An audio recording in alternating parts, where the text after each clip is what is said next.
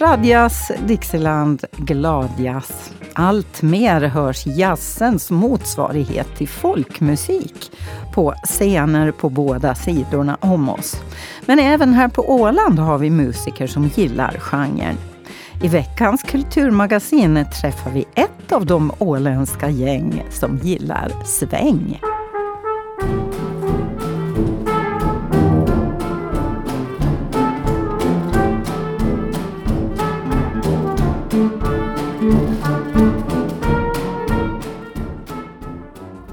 Men det blir förstås också ett svep över kulturhändelser från den gångna veckan. Jag heter Tua Åström. I onsdags skulle Ålands första lantråd Carl Björkman ha fyllt 150 år. Det här firade landskapsregeringen med att avtäcka en byst av Björkman skapad av Juha Pykäläinen i självstyrelsegårdens entré. Och Ålands Radio var förstås på plats. Nu! Följdtäckelser. Nu ska jag gå in och titta och sen får de applådera det här riktigt rysligt. Han är då alltså i brons, den goda Carl Björkman. Jag står då här med, med Gunnar Jarlsson. Vad säger du om bysten? Bysten är väldigt bra. Mycket bra. Den, den, det som jag tycker är fint med den här, den är väldigt sirlig på något vis, den här, den här bysten. Menar, huvudet är kraftfullt och sådär men sen vilar den så här väldigt lätt på något sätt. Jo, och det är så typiskt Björkman om man tänker på liksom porträttet av Björkman i, i landskapsregeringens rum som första landråd när han sitter vid lampans sken, glasögon på näsan och penna i handen och i full karriär så att säga. Jag tycker just de dragen återfinns så väldigt bra i, i den där profilen där. Det här är en, en man i, i, i action en man i action. Den mannen som har sett till att, att Björkman ser ut att vara i action här. Det är faktiskt den som kommer här, Juha Pykäläinen. var alltid på bättre, lika som Juha här. Vi ska prata några ord med just Juha här nu då. Tack ska du ha Gunnar. Uh, ja, det här uppdraget att, att göra denna man, ja. herr Björkman, när har du fått det? Ursäkta, när, fick du det uppdraget? Uh, jag kommer inte ihåg, men det var säkert i början av 22 tror jag. Så det har tagit en stund att få honom färdig? Jo, jo, det tar alltid tid. Porträtterna, jag vill, eh, om det är målande eller så här, så det måste vara liksom minst ett halvt år, men hellre mera. Mm. Och här pratar vi ju nu då om, om över ett år då?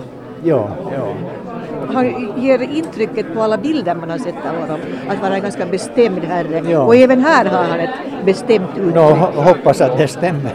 Jo, alltså den, så tror vi. Jo, jo, alltså den, man fick den uppfattningen. Ja. Och det är ju det som man försöker få fram också. Att det skulle, man måste ha en viss eh, pondus liksom i honom tror jag. Det sa Juha Pykäläinen, konstnären bakom Björkman-bysten i brons som nu går att beskåda i Självstyrelsegårdens entré. Anki Karlsson var på plats. Åländske fotografen Andy Horner ställer just nu ut sina naturfotografier i tavelformat i Lämlands bibliotek. Det är första gången han prövar det här greppet efter att ha släppt många fotoböcker och även kalendrar med naturfoton. Här förklarar han varför. Utställningen heter Ålandskap och den består av riktigt stora tavlor, in, tavlor som är tänkta som inredningstavlor. Mm. Och det är lite grann en reaktion mot det här att nu för tiden läggs alla mina bilder ut på Instagram och ni vet hur det är med Instagram, man scrollar, man ser en bra bild, man tittar en sekund, man gillar den och sen går man vidare.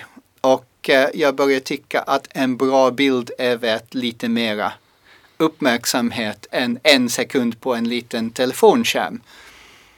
Eh, jag har gett ut kalendrar i många år och jag tycker att kalendrar är bra på det sättet att man ska välja ut bilder som tål att tittas på i en hel månad.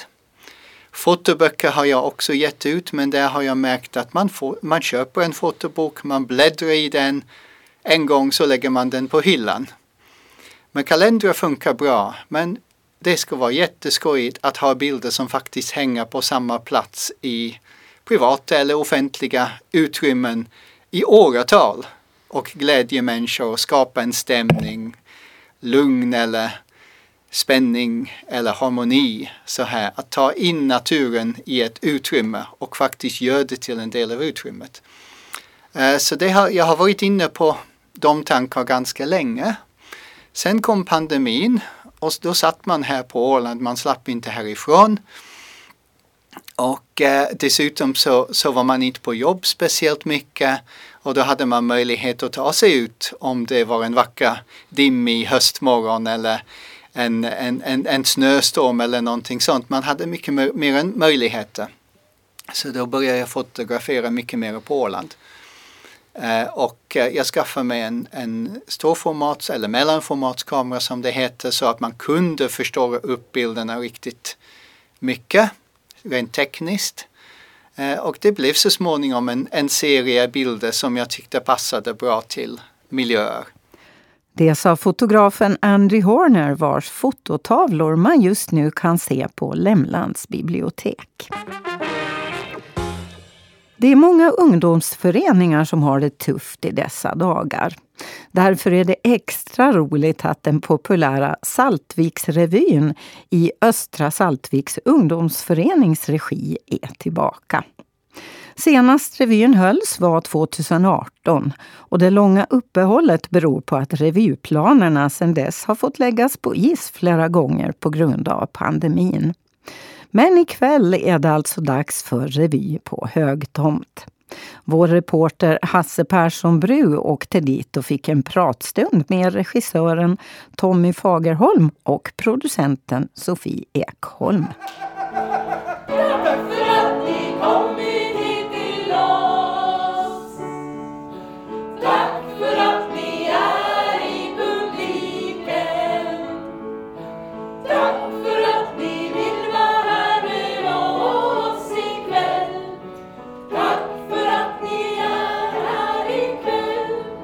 Vad är den röda tråden i, i, i, den revy som ni nu kommer att visa upp? Ja, jag är osäker, osäker vad jag ska svara på det nu, men tanken från början var att vi skulle knyta ihop det med en röd tråd med olika händelser i samhället som det ju handlar om med en revy mm. och försöka göra lite humor av det hela. Alltså tankarna har väl funnits längre nog men att när vi började lite mer på allvar så var väl i augusti. Mm. Sofia Ekholm, producent i sammanhanget här, Östra Saltviks ungdomsförening, ni står bakom den här revyn. Hur, hur, har, eh, hur upplever du att den har vuxit fram? Ja, vi hade ju senaste revyn 2018 eh, och 2020 så var vi i startgroparna att då skulle vi köra revy. Men då vet ju vi alla vad som hände. Eh, och sen har vi försökt 2021 och det gick ju inte heller. Men nu 2022 då så startar vi eh, upp på allvar för nu tänkte vi att nu, nu är det så öppet i samhället så att vi vågar eh, släppa in så mycket människor här som vi behöver för att, för att vi ska få, få det att gå ihop. Och ni närmar er premiären. Hur, eh, hur ligger ni till i förberedelserna? Jag tycker det ser bra ut. Sista veckan har det hänt mycket och vi är nog färdiga till premiären, helt klart. Eh, alla de bidrag som vi kommer få se gestaltas på scenen här nu, då, var, var kommer de ifrån? Är det, är det den vanliga processen att det är många som har varit med och bidragit? Ja, det är, är flera eh, skrivare som har, har deltagit och ja. bidragit med sina texter och, och, och sånger och, och så. Ja. Så att eh, det är inte bara en som har skrivit utan vi har, vi har flera textskrivare. Mm. Vi har ju åtta skådespelare Mm. Och eh, med antalet sketcher så, så räcker det till. Eh, så att vi har, vi, vi, har, vi har täckt upp det som behövs. Nå, vi måste ju spara på elektriciteten vet jag. Jo, det förstår jag både, men varför ska du tända alla lampor? Ja, men jag måste ju tända dem först förstår du, innan jag kan släcka dem. Och revyn Den röda tråden kan man alltså se denna helg och nästa på ungdomslokalen Högtomt. En av de åländska ungdomsföreningar som har det lite kämpigt just nu är Sunds UF. Inte för att det saknas idéer och energi, utan för att det är svårt att hitta ny ordförande och nya styrelsemedlemmar. Ja, eh, jag skulle säga att den mår ändå helt okej okay, faktiskt. Det, det lät kanske väldigt dramatiskt med vår, vårt lilla Facebook-inlägg som vi hade där vi skrev att kris är på gång. Eh, men jag hoppas att vi ännu fortfarande är långt ifrån att behöva lägga ner helt och hållet. Eh, men faktum är att eh, vi är i behov av ny styrelseordförande och vi tar jättegärna emot även nya styrelsemedlemmar. Tre, fyra personer skulle vara väldigt tacknämligt att hitta. Eh, jag skulle säga att intresset eh, har inte varit alltför stort, eh, så det finns utrymme ännu. Men däremot så har vi ju fått väldigt fin stöttning och uppbackning och väldigt mycket hejarop. Så det är många som, som tycker att verksamheten bör fortgå och, och så vidare. Men eh, att verkligen kliva in och sitta med i styrelsen så, så har vi inte fått jättemycket respons på. Vad, vad förväntas man bidra med om man nu hör av sig och sådär och att man är intresserad och kunde, kunde tänka sig en plats i styrelsen? Ja, just vad gäller Sunds ungdomsförening så vi senaste året så har vi varit väldigt aktiva och haft mycket verksamhet och evenemang på gång.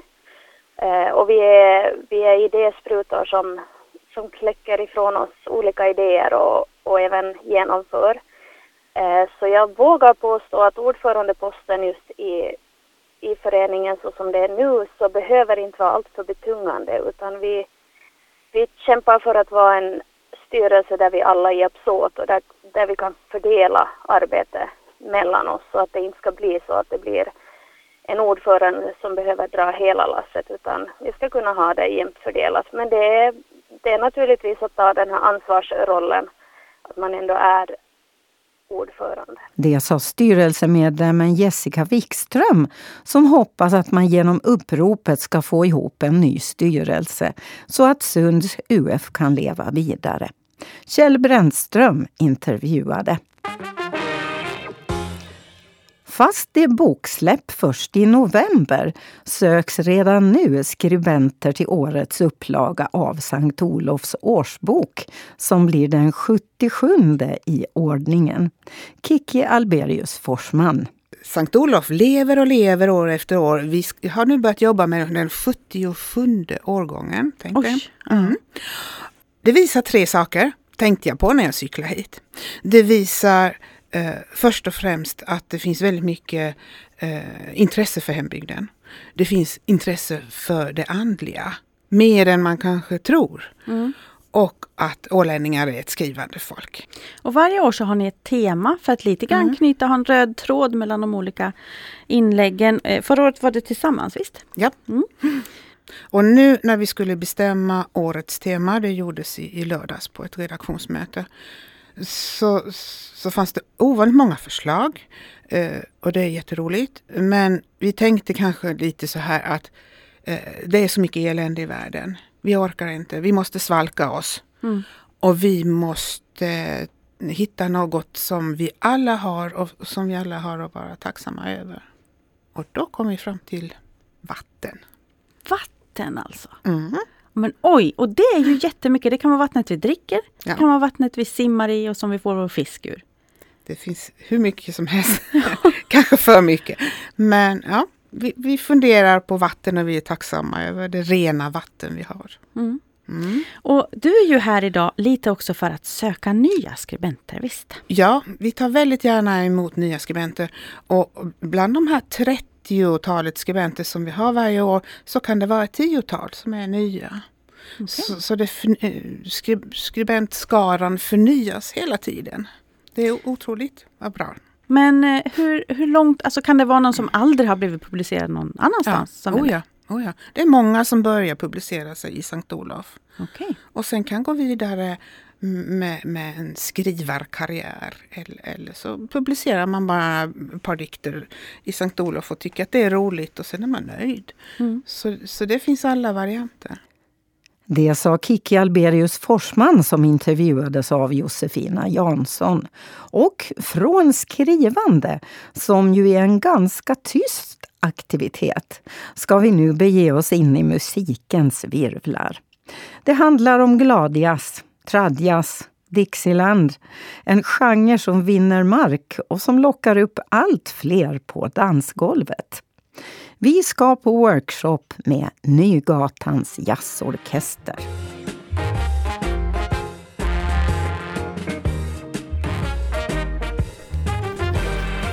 Det är lördag och det är i övrigt väldigt lugnt i Ålands musikinstituts lokaler. Men så icke i själva den här eh, konsertsalen här. För här är det alltså jazz som spelas, den tidiga jazzen från 1910-1920. Och ikväll kommer ett band som heter Nygatans jazzorkester att ha sin första spelning på en krog i stan. Men strax innan här så passar de på att värma upp med en workshop för andra intresserade. Och eh, den som vet mest i detta sammanhang i alla fall är Sofia Enros. Vad är det som händer här? Mm. Det är projektet Windjammerns barn syltorkestern som eh, nu är tillbaka efter pandemin. Eh, precis innan pandemin slog till så var vi redo, färdigrepade, nästan 15 musiker eh, som skulle ut i skolor och daghem för att spela interaktiva föreställningar just med den här tidiga jazzen. Då. Eh, och vi hade 54 spelningar inbokade över hela Åland och så utlystes undantagstillstånd. Och ja, vi fick lägga projektet på hyllan helt enkelt men nu är vi jätteglada över att vi har fått förlängning eh, och har möjlighet att ta ny fart, ny sats här då under 2023. Så vi ska se hur mycket vi hinner med och hur många musiker vi får med och det här är liksom första steget nu att eh, komma igång igen. Vi spelade i somras, hade öppna jams också som en del av projektet och genom det så har vi fått in några musiker. Bland annat Alberto eh, som till vardags går i, i grundskolan eh, och eh, ehm, kom med och spelade med oss då och nu är här med på workshopen idag också. Och han är gitarrist? Ja, precis, och basist. Så, eh, förutom då ni som ska spela på, på krog ikväll, eh, är det några andra nykomlingar här? Mm. Vi har Anna Freiman eh, som tillsammans med sin partner Samuel Freiman är nyinflyttade från Sverige. Och de är musiker båda två. Anna arbetar nu, vikarierar som kantor i Jomala församling och eh, eh, Samuel är jazzpianist till vardags. Eh, så att det jättefin, härlig resurs som har kommit hit till Åland. Och de vill också spela den här tidiga jazzen. Eh, så Anna är med här idag på banjo. Och så hade du en gammal, en gammal räv i musikaliska sammanhang med också här. Ja, vi har, vi har flera, flera rävar, bland annat Lillis Börje Ålund då, som spelar klarinett. Och det är ett sånt här, eh, alltså tyvärr alldeles för sällsynt instrument eh, på det sättet att, att eh, ja, eh, det, det, är inte så många som spelar just i den här genren och det instrumentet och han, han är så uppbokad. Han spelar i alla eh, jazzorkestrar och eh, traditionella jazzband som finns här eh, på Åland så vi är glada att han tog sig tiden att komma hit idag också. Och du själv, du spelar någonting ganska speciellt. Det, det, det är en, ett instrument, eller flera instrument som mm. står ganska centralt här mm. i den här lokalen. Berätta vad det är. Mm. Ja, när vi spelar på scen så brukar jag vara längst bak. Men det, det är en stor, stor bastrumma från 1920-talet, slutet av 1920-talet, eh, så det är det äldsta instrumentet här i, i salen. Eh, och på det så är det kokosnötter. Ska vi gå och titta på ja, dem? Visst. Jag känner att nu, nu behöver vi känna på saker och lyssna på dem lite grann också kanske. Nu ska vi se, vad sa du? Först den här jätte, jättegamla bastrumman. Mm, den ser ju väldigt fräsch ut. Ja visst, den är superfin. Det är en Lidi från slutet av 20-talet med Peacock heter det här gröna mönstret oh. som är på. Och så är de här kokosnötterna ja. ovanpå då. De, Eh, och så har vi en kokklocka också. Och så en symbol. Eh, och det är faktiskt ett containerfynd från den tiden som det fanns metallcontainrar runt omkring i stan. Eh, så den har varit med eh, i några andra sammanhang men nu, nu är den ute och turnerar och spelar senast på Scalateatern i Stockholm. Nämen. Ja. när, när, var, när var du där? Eh, vi spelade där eh, både i helgen som var och två veckor innan det med två olika band i, i Stockholm. Du och Daniel? Ja, precis. Och han spelar tvättbräda. Det är också en sån gammalt bruksföremål då. Ja. Eh, från Jomala, Södersunda. Som använts flitigt där på 20, 30, 40-talet någonting sånt. Och nu då är, har varit och spelat både i New Orleans och Stockholm och på Åland i olika sammanhang. Och vi har nu då den här kvällens sättning som vi kallar för Nygatans jazzorkester med anledning av att vi spelar där på Nygatan. Eh, men i somras så gick vi under namnet Torggatans jazzorkester. så ni byter namn ja, vi, efter behov? Ja, där vi spelar, precis. Och det är stort sett samma personer men vi har två nya som inte var med eh, har varit med här i somras då som kommer med ikväll.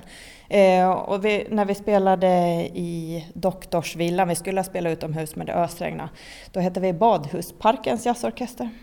Eh, och på Kulturnatten då var det Lilla Holmens jazzorkester. Mm. Okej, så att eh, man kan inte räkna med att Nygatans jazzorkester dyker upp fler gånger? Nej, det vet man inte. Det beror på var vi dyker upp. Ja.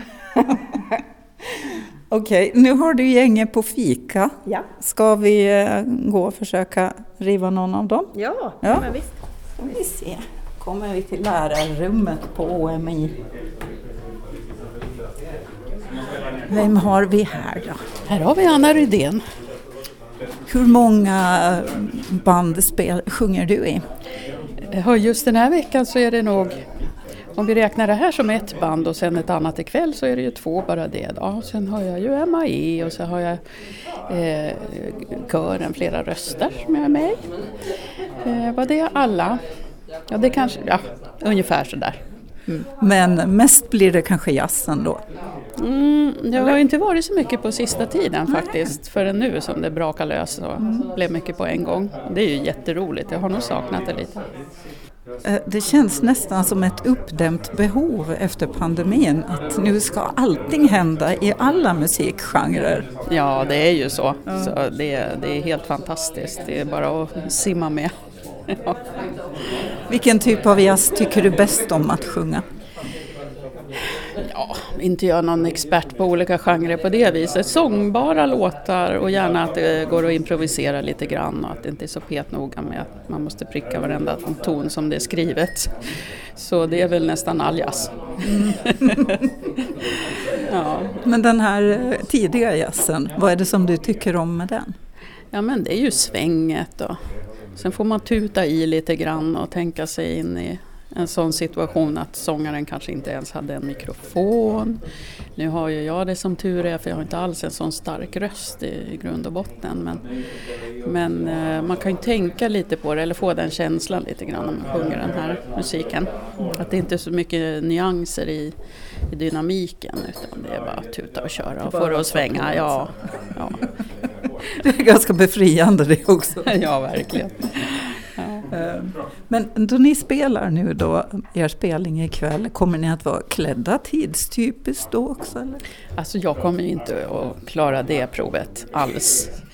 Eh, jag vet att det finns eh, andra här, min kusin Lars som spelar gitarr, han är ju, han är ju väldigt noggrann med kläderna i alla sammanhang, också i det här sammanhanget. Så eh, han, han kommer nog att vara ganska tidstypisk. Och jag kommer väl att försöka kamma håret i alla fall. det gör jag nog. Ja. Ja, nu hoppar jag vidare till kusin Lars då. Ja. Vem är du? Ja, jag är kusin till Anna, föregående intervjuobjekt. Eh, jag eh, spelar med det här gänget då som ska spela ikväll. Eh, lite då och då i olika, i olika sammanhang som skapas. Mycket av Daniel och Sofia här på Åland. Då, då. Eh, sen hemma i Stockholm så spelar jag med tre andra gäng. Eh, och i lite olika stilar. Traditionell jazz och ett swingjazz och det tredje någon form av 50-tals rhythm and blues musik. Då. Mm. Men, men ändå liksom lite så bakåt i tiden? Allt all gammal, mycket gammal musik, ja precis. Okay. Så att, eh, det, är, ja, det är den som man har fastnat för väldigt mycket. Mycket på grund av att det är en sån intressant tid, hela 1900-talet.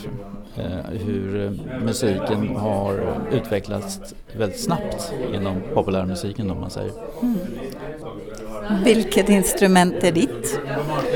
Jag spelar gitarr och banjo i det här sammanhanget när det är tradjazz eller New Orleans jazz som vi säger. Eh, och så sjunger jag också. Jag, jag äh, sa att det verkar som att jazzen håller på att börja klättra uppåt igen. Känner jag fel eller, eller ligger det någonting i det? Nej men det har du nog rätt i för att eh, då hem i Stockholm när jag spelar så är många av de gängen jag spelar det är väldigt unga musiker som är med. Och eh, också mycket av den här Lindy Hop eh, dansen som har blivit väldigt populär på senare år igen då. Den, den kom ju först på 30-talet men den har så att säga en revival och det är mycket, eh, många som är med där och, och dansar. Så vi har ju en del dansspelningar så att säga alltså för Lindy dansare och det, det är ju oftast unga människor. Mm. Inte bara då, utan det, det, är lite blandat men, men det är många unga och många, många unga eh, musiker som, som man träffar på resans gång som kommer in i olika situationer, olika band och sådär. Så, eh, jag spelar med folk från 30 till eh, ja, över 90 år faktiskt faktiskt. Ja, då. och idag har du en väldigt ung eh, medmusiker här. Ja, precis. På gitarr här. Så, det är ett bra exempel. Jag ska gå och försöka prata med honom. Gör det. Tack så mycket. Nu har jag tagit med mig den unge jazz, jazzgitarristen jag... till soffan. Mm. vem, vem är du? Eh, jag är Alberto Gerbasi och eh, jag spelar främst elbas och, eh, och som sagt också gitarr som du säkert såg. Och eh, jag, jag spelar all typ av musik, inte jazz, måste, det måste inte vara jazz. Men jazz, rock, pop, vad som helst som innehåller instrument vill jag gärna spela. Okej, okay, roligt. Men skillnaden mellan jazz och andra genrer är att spela jazz är ganska fritt. Det är ganska mycket improvisation och eh, jag har spelat mycket improvisation med eh, mina vänner. Så det är inte själva idén att när vi spelar tillsammans så spelar vi jazz. Men eh, själva idén liknar ganska mycket på jazz. Okay. Hur, hur, gammal är du? Jag är 16. 16? Ja. Vilka andra sammanhang spelar du med i? Eh, jag spelar med andra grupper, jag spelar hemma, spelar in musik. Eh, jag kan tänka mig också i framtiden att jobba med musik. Så liksom, mitt liv är musik, skulle jag säga. Ja. Det låter väldigt skönt det, att veta det nu redan. ja, det är ganska många som kanske inte vet. Nej. Men jag skulle säga att jag är själv osäker vad, vad musiken kommer att vara i min framtid. Liksom, vad den kommer att vara för någonting. Mm. Men jag tror att jag kommer att fatta det på vägen. Jag vet bara att det är musik. Och det är redan någonting ska jag säga.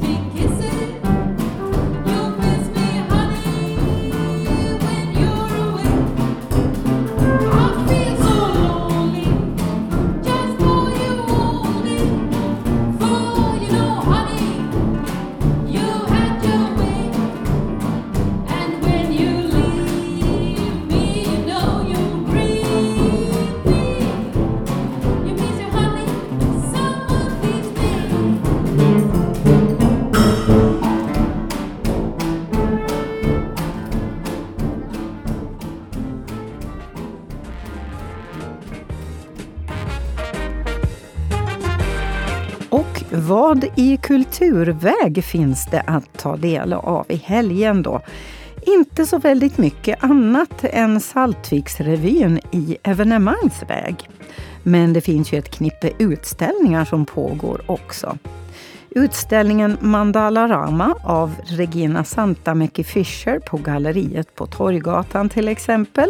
Eller Kenneth Bambergs fotoutställning Johan på temat kvinnors våld mot män på Ålands konstmuseum. Eller fågelutställningarna på Stadsbiblioteket till exempel. Ha nu ett trevligt sportlov alla ni som har ett sånt. Kulturmagasinet tar faktiskt också sportlov nästa vecka. Så nästa gång ni hör den här signaturen är om två veckor. Ha det bra tills vi hörs igen.